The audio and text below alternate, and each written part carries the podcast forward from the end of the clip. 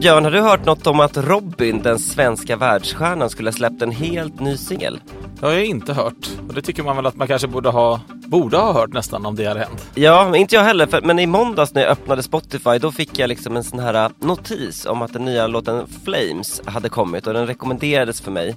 Och som artister stod Robin då och den lite mindre kända indiska akten Vampire. Vill du lyssna lite på det Björn? Man blir väldigt nyfiken nu.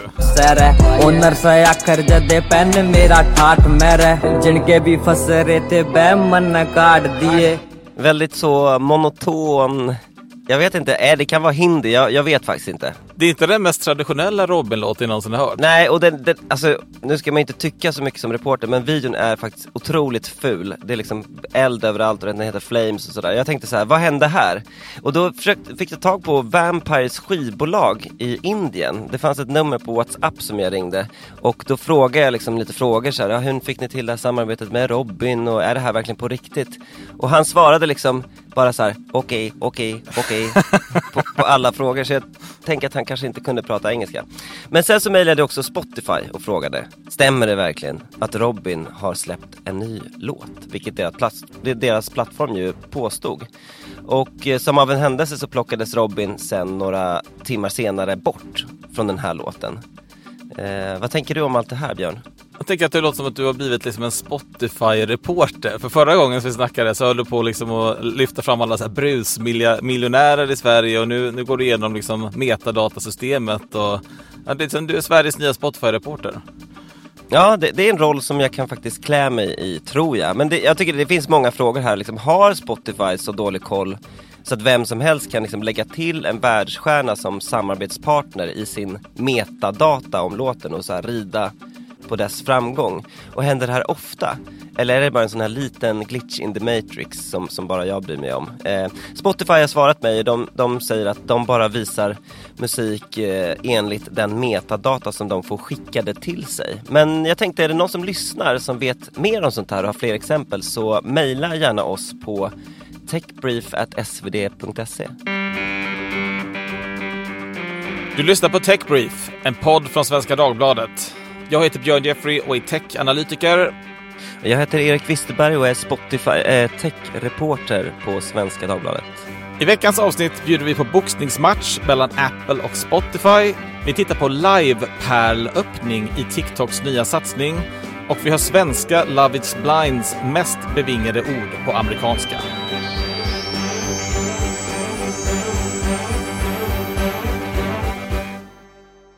Du vet när man är sådär ledsen, besviken och arg Björn och liksom rantar loss lite om världens orättvisor. Om man heter Daniel Ek och är VD för världens största betalda musiktjänst Spotify så skulle det kunna låta så här.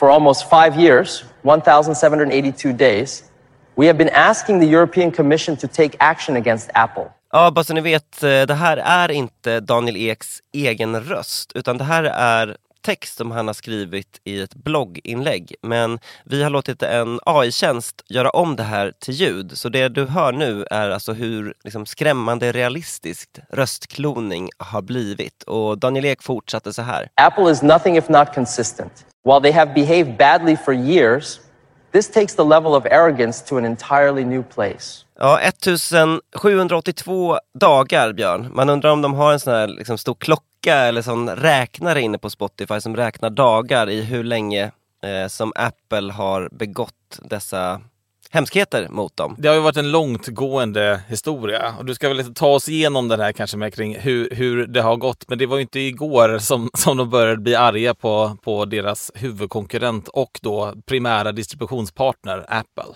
Nej, alltså man, jag tänker att i en, en, filmliknelse så är liksom Apple, det är han eh, Sauruman i Sagan om ringen i Spotify, Sagan om Spotify. Men, men det som eh, Daniel Ek skriver om nu, som vi översatte med den här rösttjänsten, det är hur Apple på ett listigt, eh, om man frågar några, eller kanske girigt sätt försöker runda EUs nya lag. Och vi ska grotta ner oss i det här.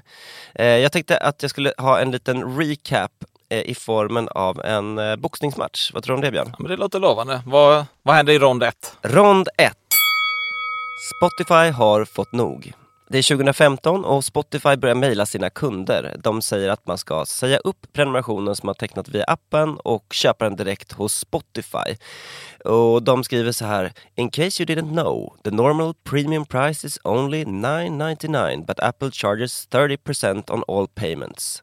Eh, så att här börjar det skulle jag vilja säga, att de säger åt kunderna att det blir billigare för er om ni säger upp prenumerationerna och skaffar dem via våran sajt. Så rond 2. EU-kommissionen. Spotify var ju länge ensamma herre på täppan i musikvärlden men samma år där, 2015, så kom ju Apples konkurrent. Eh, minns du den lanseringen, Björn? Mm, Apple Music. Det Apple ju, Music. gjorde ju en känslig fråga ännu känsligare. Ja, för det betyder ju att den liksom nya konkurrenten Apple äger även App Store som är Spotifys primära distributionskanal.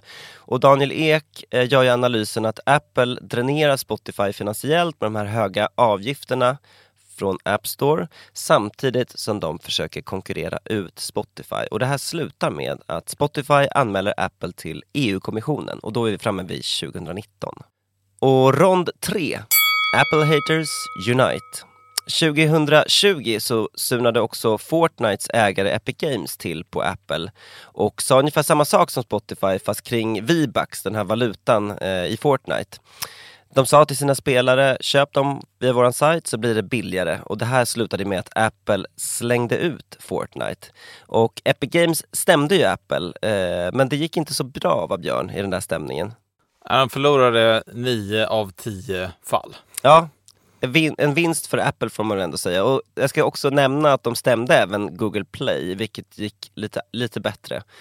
Men det här ledde till att Spotify och ett gäng andra bolag, däribland faktiskt även SVDs ägare för full transparens, Schibsted, bildade något som kallades för Coalition for App Fairness, en slags lobbygrupp. Och det för oss fram till rond 4. EU kliver in.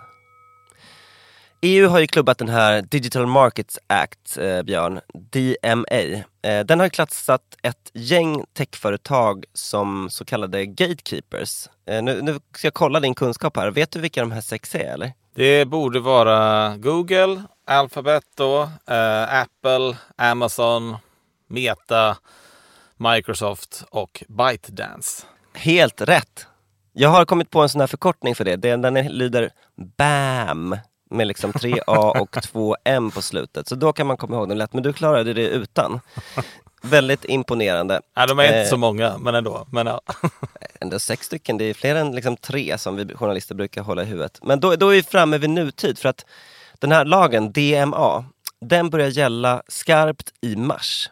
Och den sätter ju då särskilda krav på de här så kallade gatekeeper-aktörerna som har vad EU kallar för Core eh, Digital Services. Och det är, vad ska jag säga, tjänster som liksom många andra företag är helt beroende av för sin existens. Och man kan ju hävda att liksom det är små, kanske egna monopol. Om man, om man ser liksom iPhone som ett eget ekosystem med över en miljard användare, då har ju Apple liksom, eh, den e-, enda distributionsvägen. Och därför har de krav på sig. Eh, och det är ju här det börjar liksom, eh, strula till sig riktigt ordentligt. Har du hängt med i de här turerna eh, senaste veckan? Ja, men den här har jag hållit mig ganska bra koll på faktiskt. Det är ju, det är ju en sak att följa en lag, men sen det är klart att hur man följer den spelar ju ganska stor roll också. I det här fallet har det väl snarare varit att man, man har ju för avsikt då, det är ju i, om, det är väl den 15 mars tror jag det här ska börja gälla på riktigt. Och då gäller det ju att man följer lagen så som den är skriven. Men det är klart att det, diskussionerna på sistone har ju snarare handlat om, okej, men utöver att ni följer lagen rent tekniskt, vad gör ni då? Och där har väl Apple gjort ett, man var ganska kreativa får vi väl säga. Jag har lyssnat på så här nördiga podcast om det här och lärt mig ett nytt ord som heter malicious compliance. Tyckte jag var rätt fint. Alltså det betyder ju någon slags, alltså compliance är ju regel efter, efterlevnad men eh, malicious det är ju med liksom ont uppsåt. Ungefär som man säger till sina barn att liksom, du får inte äta godis idag så går de och äter socker, rent socker i skafferiet istället. Att man gör det man sa fast man uppfyller inte meningen med liksom, eh, hela uppmaningen. Men och det här för oss till slutronden eh, där det ska bli liksom en knockout åt ena eller andra hållet, får vi väl hoppas. För de senaste dagarna har ju varit ganska dramatiska. Eh, det centrala för Apple det är ju att DMA betyder att de dels måste öppna upp för alternativa appbutiker, alternativa betalningsmetoder och liksom helt nya affärsvillkor. En sån extremt genomgripande förändring. Och det som Daniel Ek på Spotify har velat ha under lång tid. Så den 24 januari då gick Spotify ut med en väldigt glad nyhet att DMA betyder ett bättre Spotify för artister, kreatörer och för dig. Och att den här nya DMA-grejen betyder liksom enorma möjligheter för Spotify. Eh, och den här konstiga tiden då man liksom inte ens har kunnat köpa en prenumeration via Spotify-appen eh, eftersom de inte vill ge bort då 30% av intäkterna till Apple skulle vara över. Men sen hände det grejer. Eh, dagen efter kom Apples eh, egna pressrelease. Eh, har du koll på liksom, huvuddragen vad Apple sa? Ja men i princip så säger de väl Ja, ni kan använda ett annat, ni kan använda, använda ert egna betalsystem. Det går bra. Men om ni gör det, då kommer vi ta ut inte en provision som vi tagit ut tidigare, utan en ny avgift som vi har tagit fram istället. Just det. Så har de lite, en liten, liten eh, det, det, roligaste är ju att de har en liten miniräknare, nästan liksom en formel på sin sajt där man kan räkna ut hur mycket det här kommer kosta dig med den här nya då, avgiften. Och ja, man känner igen siffrorna lite då. om att det, liksom är, det, det är inte jätteenkelt att förstå vad Apple skriver. Eh, de här podcastmännen om appar, de pratar ju om så här There's a decision tree here. Alltså att först måste man så välja, ska vi vara kvar i gamla systemet eller det nya systemet? Och om man väljer det nya systemet så fanns det fyra till val som betydde massa olika saker. Och därför har Apple behövt utveckla en miniräknare som de ger bort gratis till världen. Men de började, alltså det som fick fäste först, det var ju just att App Store kommer sänka sina avgifter till 10 för de små utvecklarna och till 17% för de stora utvecklarna. Det lät ju som en sån jätteseger för typ Spotify. Men som du nämnde Björn, det var lite som när man köper liksom en mobiltelefon på kampanjpris och inte har läst det finstilta. För, för de här eh, villkoren som du nämnde, extraavgifter och annat, det fick ju Spotify att eh, bli rasande igen. Ja Björn, vi har avverkat fem ronder i kampen mellan Spotify och Apple eh, och eh, nu kommer vi in på det mest intressanta kanske, vad allt det här betyder.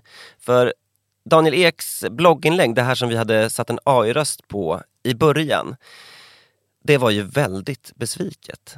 Nästan ledset skulle jag säga. Han, han verkar Förorättat skulle jag säga. Alltså det, det var så här, vi var så glada över DMA, men Apple de visar nu att de tror att de står över lagen och det här är en fars och eh, att de har skapat liksom, nya hemska villkor som liksom, masquerading as compliance. Det är en ny sån compliance-term. Eh, malicious compliance och masquerade compliance. Eh, men Spotify pekade just på att den här liksom, nya avgiften, som alltså, man ska behöva betala en avgift till Apple för varje nedladdning och år och också kanske uppdatering har vissa påstått, att det kommer kosta väldigt mycket pengar. Så där vi står nu, som jag ser det, är ju att den här jättelagen, prestigeprojektet DMA, kommer testas i praktiken. Och nu tänkte jag hypa upp dig lite Björn faktiskt, i den här frågan. Mm -hmm. Du har ju ett förflutet innan SvD. Du har ju, du har ju grundat en liksom, succé-app som heter Tokabocka. Så jag vet ju att du har själv brottats med Apple. Och jag tänker Absolut. att det kanske kvalificerar dig också för att liksom vad, eh, ge lite insikt i den här frågan. Jag tänkte vi skulle grotta i vilka scenarier som nu kan hända. Alltså om du fortfarande hade varit VD eh, för ett liksom, appföretag, vad hade du tänkt skulle hända nu? Ja, men, appföretagen sitter ju liksom i Apples knä och det är ju det som vad ska man säga, de flesta appföretagen finner ju sig i detta. De kanske inte tycker att det är fantastiskt, men man finner sig i det ändå. Jag tror att det som Spotify eh, tycker är extra prekärt då är att de direkt konkurrerar då med Apple Music också. Det gör det liksom ännu värre för dem än för många andra. Men det finns ju också exempel på andra tjänster. Netflix till exempel har problem med att de konkurrerar med Apple TV. Så det finns, de är inte ensamma om den typen av relation. De mindre utvecklarna brukar ju gå med på lite vad som helst. Jag tror att givet, för att de har så lite att säga till om. Att om, om en liten apputvecklare säger ah, men jag tycker inte att det här verkar så bra, då säger Apple nej, skit i det då. och då händer ingenting. Då, då, får du ingen app på App Store, det är det enda som händer.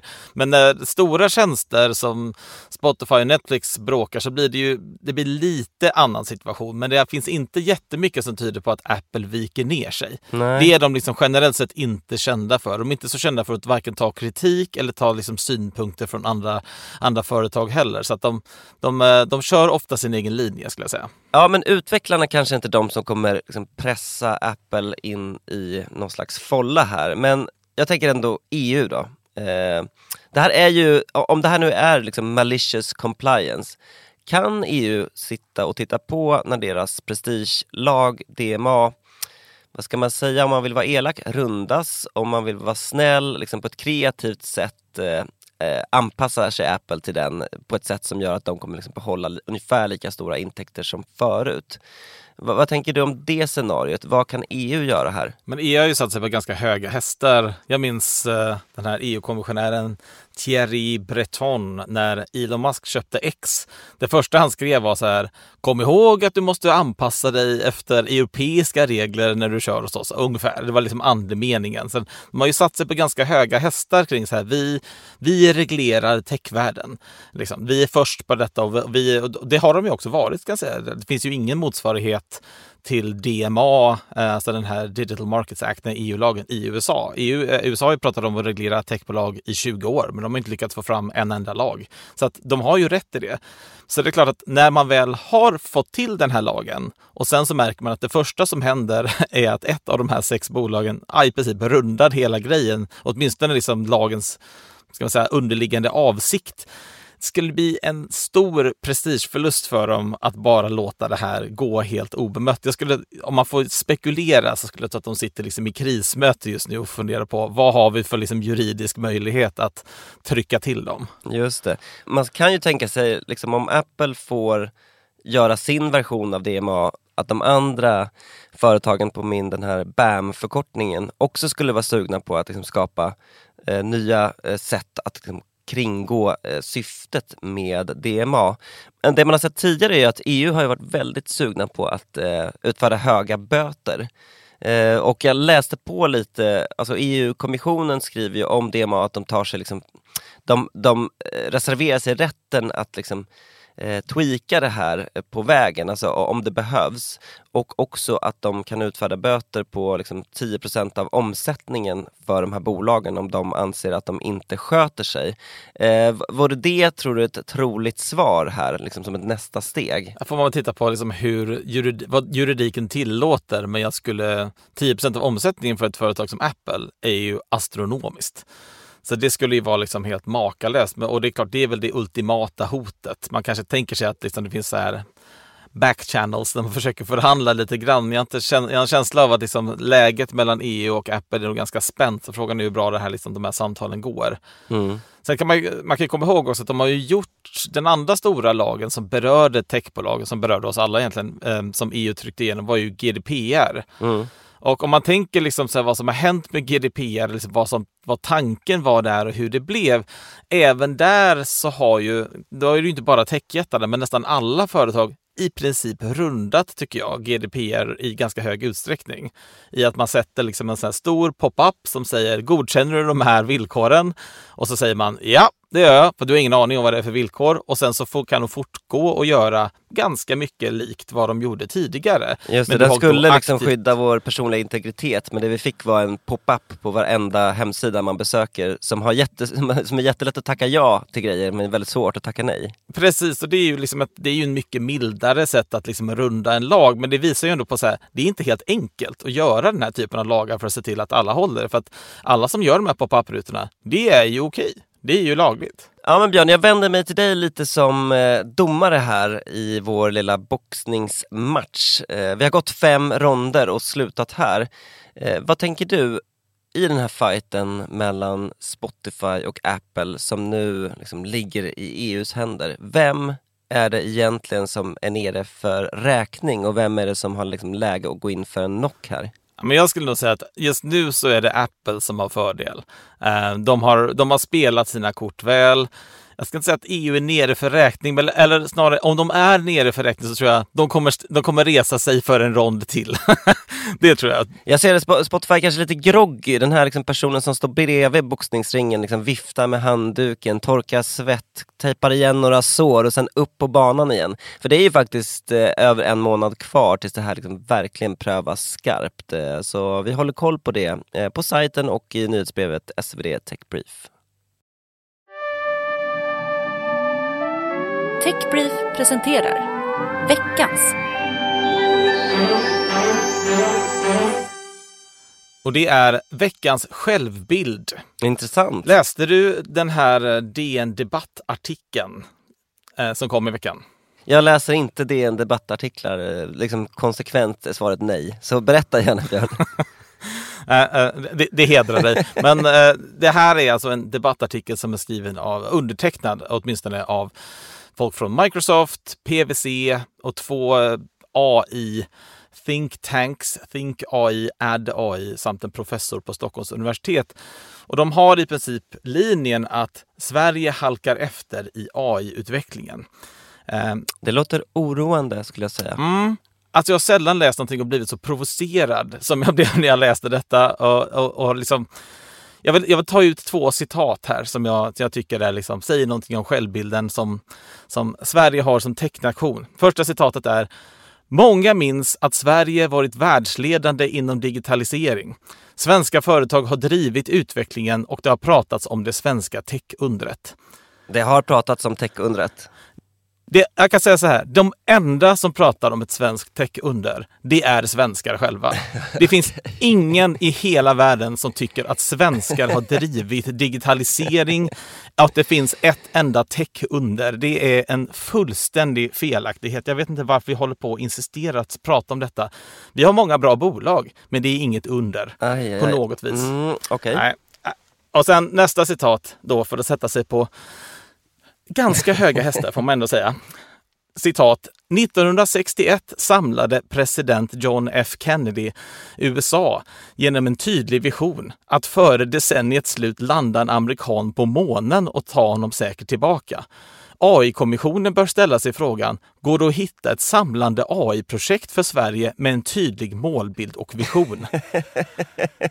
ja, det här var ju, det här var någonting. Alltså landa på månen, historiskt ögonblick, AI-kommission i Sverige, ja, not so much eller? Vad tänker du Björn? Det här, här gick topplocket känner jag på dig. Alltså det, det gick totalt. Alltså, jag ska säga, Sverige är inte ens med i AI-matchen. Och tanken av att man överhuvudtaget skulle vara det är så absurd. Att, att, att jämföra det här med månlandningen, Sveriges liksom AI-ambitioner, det, det är så absurt. Det är som att jag skulle ställa upp i en fitnesstävling. alltså det, det är okay, så jag har absurt. Två teorier. Jag har två teorier. Det ena är att den är skriven av ChatGPT 4 och den andra är att PVC eller typ Kreab har fakturerat ett par hundratusen kronor för detta. De två kan vara sanna samtidigt för övrigt.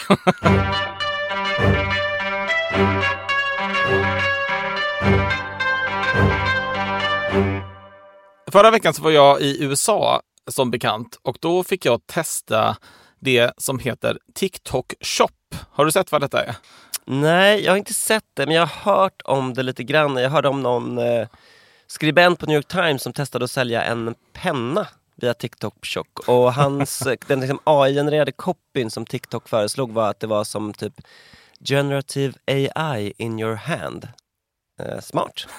så, men det, man ska sälja saker via TikTok, så mycket har jag förstått. Men jag kan inget mer om detta, så eh, berätta. Det är, egentligen, det är egentligen en e-handelssatsning som är ganska bred som, ska man säga, går egentligen kanske strategiskt mest ut på vi vill tjäna pengar på andra grejer. Så att vi tjänar pengar på annonser hittills och nu vill vi tjäna pengar på att vi, vi skickar, förmedlar vidare försäljning av varor också. Det är väl alla sociala mediers dröm att man ska bli liksom en gigantisk affär till slut? Ja, eller åtminstone tjäna pengar på allting som, som säljs via dem på något vis. Um, och TikTok Shop då som inte finns i Sverige än så länge och jag frågade även TikTok i Sverige om när den kommer och de sa att de hade inget datum för det än. Men den har lanserades i höstas i USA, består av liksom ett par olika delar. Eh, och den första som jag tittade på som var väldigt rolig och väldigt märklig var live-shopping. Och det är ju ett koncept som finns även här. Men, men eh, du ska få lyssna på en litet klipp här, så ska jag försöka se om du kan gissa. Vad är det för någonting som de säljer? Okay, let's move on to the next one. Come on, let's move on to the next one. One, two, three, one, two, three, one, two, three, go, go, go. Woo, a deep purple, a deep purple is coming. Woo, a deep purple is coming. Come out. Whoa, whoa, whoa. Ja, gud. Deep Purple, alltså de säljer rockbandet Deep Purples eh, vinylskivor. Eller? Om ändå. Det här är mycket mer fascinerande än så. Det här är faktiskt en, en... De säljer pärlor, alltså odlade pärlor. Ja. Men de tar fram pärlorna alltså direkt ur liksom själva liksom mustan eller ostronet eller liksom alla de här. Man ser dem live när de liksom ploppar ut dem ur de här och det är så fascinerande. Jag vet inte hur många sådana här pärlvideos jag såg liksom som, som sände live. Och då kan man beställa dem så kan de säga så här, okej Erik, här kommer din beställning. Nu kommer du se de pärlorna som jag, liksom, som jag tar ut. Det låter eh, ju, det det låter ju faktiskt supersmart. Alltså om jag skulle köpa en pärla så vill man ju gärna se den här härliga kvinnan liksom, eh, öppna den live. Kanon. Det var helt fascinerande. Vad kostar det? Det, det Vad var den kostar en sån här Liksom. pärla, Deep Purple? Ja, det var lite otydligt exakt vad det var, men, men det får ju en väldigt bra underhållning samtidigt, så man får ta med det i prisbeaktningen. Men vad är grejen för TikTok då? Alltså vad, vad, vad skär de emellan och hur funkar, hur funkar den här liksom, businessen? Ja, men liveshopping är ju mer, den finns ju på många olika kanaler. Det är ju egentligen bara ett sätt att bygga liksom en, en publik. Men, men den andra delen som är mer intressant är ju mer som en marknadsplats, som är mer som en vanlig butik. Och det är där man kan skära emellan. Så att det, och det, det här TikTok Shop liknar ju då vilken, alltså egentligen mer som en slags basar skulle jag säga än en affär. Jag vet inte om du har varit inne på Temu i Sverige. Den är ju liksom en välkänd shoppingapp. Men de, är ju, de har ju ett väldigt speciellt utseende och en väldigt speciell ska man säga, sätt att presentera produkter. Det är ju väldigt mycket huller om buller. Ja, och man Det kan hitta liksom lite liksom vad som helst. Alltså det, det finns ingen riktig linje i vad som finns där känns det som. Utan det är bara grejer. Liksom. Det kan vara Ja, vad, vad som helst. En massa konstiga grejer som, som ligger staplade på varandra till jättekonstiga priser. Så här kan du köpa liksom 12 klädhängare och de kostar 3 kronor och 48 öre, vilket man tänker, okej, hur, hur, hur hamnar vi här? Så att så ser det lite ut. Och En digital syftet- basar alltså. Ja, jag ska säga det. Men syftet är ju då, kan man tjäna pengar på sin trafik egentligen? De har jättemycket folk inne i TikTok. Det är massa människor som rimligtvis tycker om att shoppa och så köper massa grejer. Men hur kan TikTok få en del av det? Tidigare då har det varit 2% tog de i början, då 2% av försäljnings som en slags provision. Och sen, så nu är de på väg att ta upp mot 8 um, För att liksom då, då tycker man då att man levererar olika kunder. Eh, Jag kan säga att det är ju för att jag har ju använt TikTok i många år eh, och givet den datan som de borde ha om mig eh, och det, jag vet inte, det kanske säger någonting om vad jag tittar på på TikTok, jag vet inte. Men under, du ska höra här vilken, under rubriken Top Brands, Ja. alltså de bästa varumärkena. Det första förslaget jag fick var Hookers and Blow. Vad, vad, vad är det? Hookers det är tydligen en barnbok, tror det eller ej. Eh, Ah, vet inte vad du fick för associationer, men det är tydligen en barnbok. Okej. Eh, men, men ett ganska suspekt, en ganska suspekt titel. Och under rubriken Recommended for you så fick jag en, en handduk med två emojis. En aubergine och några droppar. Eh, och det stod med undertexten en Gift for boyfriend. Så att det är högt och lågt, eh, fast mest lågt. Man skulle vilja kan se säga. liksom vilka sådär annons eh, som TikTok sätter på liksom män i din och min ålder. Eller, om det här bara, eller så kanske det bara är att det är ett symptom på att det bara finns konstiga saker där just nu också. Man vet inte. jag, vill, jag vill hoppas att det är det sistnämnda och inte baserat på vad jag har tittat på på TikTok, men who knows. Ehm, men en mer intressant fråga blir liksom egentligen vad TikTok försöker göra med liksom shopping. Och jag tänker så att det ställer liksom en, en större fråga, det vill säga var kommer liksom shoppingupplevelsen i framtiden att starta någonstans? Jag minns ju att eh, liksom, eh, alltså Instagram försökte väl med det här för typ bara några år sedan. Alltså Instagram shopping hette väl det, om jag minns det rätt. Som skulle vara något liknande. Precis, så det var ju ungefär ja, men en liknande typ av idé och det är samma take kan man säga som den som TikTok har haft. Då, det vill säga att ja, men shoppingupplevelsen kanske startar i sociala medier. Du kan liksom du tittar på någon video, tittar på något klipp av något slag och sen så ser du någonting och så tänker du så här, men den där skulle jag vilja ha. Antingen någonting som liksom en influencer håller upp och säger köp den här, men det kan också bara vara, alltså mycket kommentarer ser man ju mycket så här, var har du köpt din tröja och var har du köpt din väska och sånt där. Så det finns ju liksom ändå en, även i videos som inte uttryckligen försöker sälja någonting så finns det ändå ett intresse från folk. Alltså, åh vilken snygg soffa du hade och så vidare. Ehm, så det är ju en, och TikTok har faktiskt tagit vara på det. De håller på att testa en funktion just nu tydligen som, då, som gör precis detta.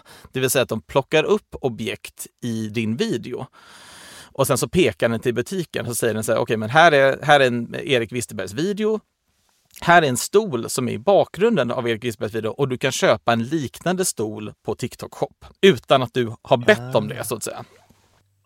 Ah, s- vadå, ja, det, det känns ju lite shady nästan. Att då ska de göra oss alla till någon slags mikroinfluencers mot vår vilja. Det är ju det det blir lite. Det blir liksom att du, du får, om det funkar, det här är bara ett, ett test har TikTok sagt än så länge, så det är ingenting som är utrullat överallt. Men om det skulle fungera så skulle det i princip göra att varje video skapade liksom köpbara eller klickbara länkar. Liksom. Och att de själva också är de som säljer. Men den här liksom positionen som just du sa, så här, shoppingens startpunkt. Det, det är många som vill ha den. Eh, jag tänker till exempel då som också på Klarna. Som ju liksom gick ut bara för, förra veckan med att de skulle utmana typ Amazon Prime. Eh, lycka till med det eh, i USA. Men just att man vill, liksom- man vill inte ligga där och vara ett lager. Man vill att shoppingen ska starta hos oss. Eh, vad, vad tänker du om den eh, liksom, utvecklingen? Men Klarna har väl blivit liksom nästan mer av en shoppingapp eller som en sökmotor för shopping nästan på något vis. Ehm, och de, de köpte ju Price Runner som är den här prisjämförelsetjänsten och det är väl den som har möjliggjort, får man anta, en hel del av den här liksom shoppingbeteendet. Men de har ju lite samma sak där. De har ju tidigare varit i betalledet så att oavsett vad du har köpt så tar du betalt när betalningen sker. Men nu kan de få betalt även innan. Det vill säga hitta produkten som du vill ha via Klarna, tar vi betalt för det och sen så köper du produkten och då kan vi ta betalt för det också. Och då, så där är liksom mer, Klarnas tanke är ju kanske mer, ja, men kom till en shoppingapp. Om TikTok är så här, kom till TikTok och hitta saker där, så är Klarnas mer, kom till liksom shoppingsökmotorn som vi har. Då börjar shoppingen där. Och sen liksom en tredje variant då är väl egentligen den trenden som har varit starkast hittills. Det vill säga att du kanske skapar uppmärksamhet kring vad du har för produkter och liksom din butik och allt sånt där via sociala medier. Men du säljer i din egen affär. Eh, och du kanske till och med har en fysisk butik eh, och gör det samtidigt. Och det kan ju vara, det kan vara saker, personer som ja, men Matilda Järf är en sån känd influencer som har varit duktig på detta som har startat ett märke, Jerf Avenue till exempel. Just det. Eh, Så då kon- konkurrerar du liksom med så här, vi har ett utbud som ingen annan har. Eller som kanske Amazon som är mer så här, vi levererar väldigt snabbt, vi har ett enormt utbud av lite allting. Så det är liksom tre, tre olika bilder av liksom hur startar shopping på nätet framöver. One, two, three, one, two, three, one, two, three, go, go, go. Ja men vad tror du Björn, hur kommer det gå för den här härliga eh, kvinnan med Deep Purple och hela TikToks jätteshoppingsatsning tror du? Ja, men TikTok Shop då har som mål att sälja för 180 miljarder kronor i år. Så att det är en ganska, liksom, det är en ganska mastig satsning. Och de själva säger att de fick in ungefär 5 miljoner nya kunder runt Black Friday, men då gav de också en massa rabatter och sånt, ska man tänka på det också. Så att, ja, men det är en stor satsning. Det är liksom den nya, eller en, en, en del av den nya affärsmodellen för TikTok. Men det som talar emot var egentligen det som du var inne på från början, det vill säga vi hade ju det här inte så länge sedan och då hette det Instagram Shop.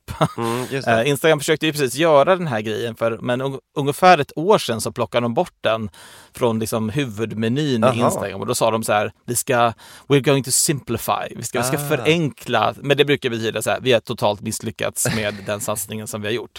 Så att det är möjligt liksom att trots den här jättesatsningen att människor kanske inte vill ha sin shopping i sina sociala medier trots allt.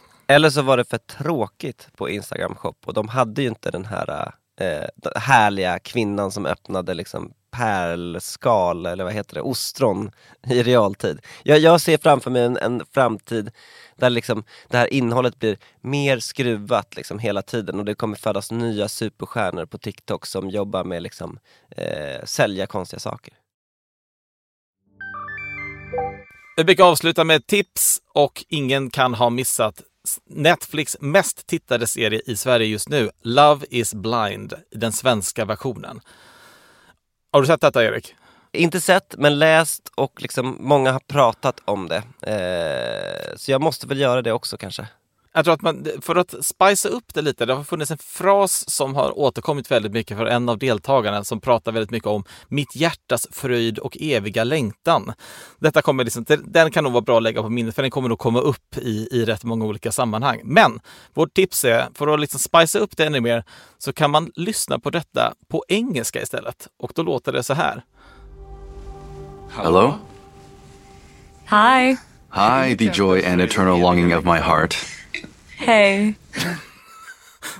The joy and eternal longing of my heart. Men vad- det här engelska ljudet, var kommer det ifrån? Har Netflix dubbat det eller? Det, jag insåg detta när jag kollade på Twitter, nämligen att det sitter liksom horder av amerikaner och kollar på Love is blind Sverige. Och de tittar liksom med dubbad version. Alltså Netflix har alltså tagit alla de här reality-deltagarna och dubbat dem till engelska, men även till franska vad jag förstår. Otroligt.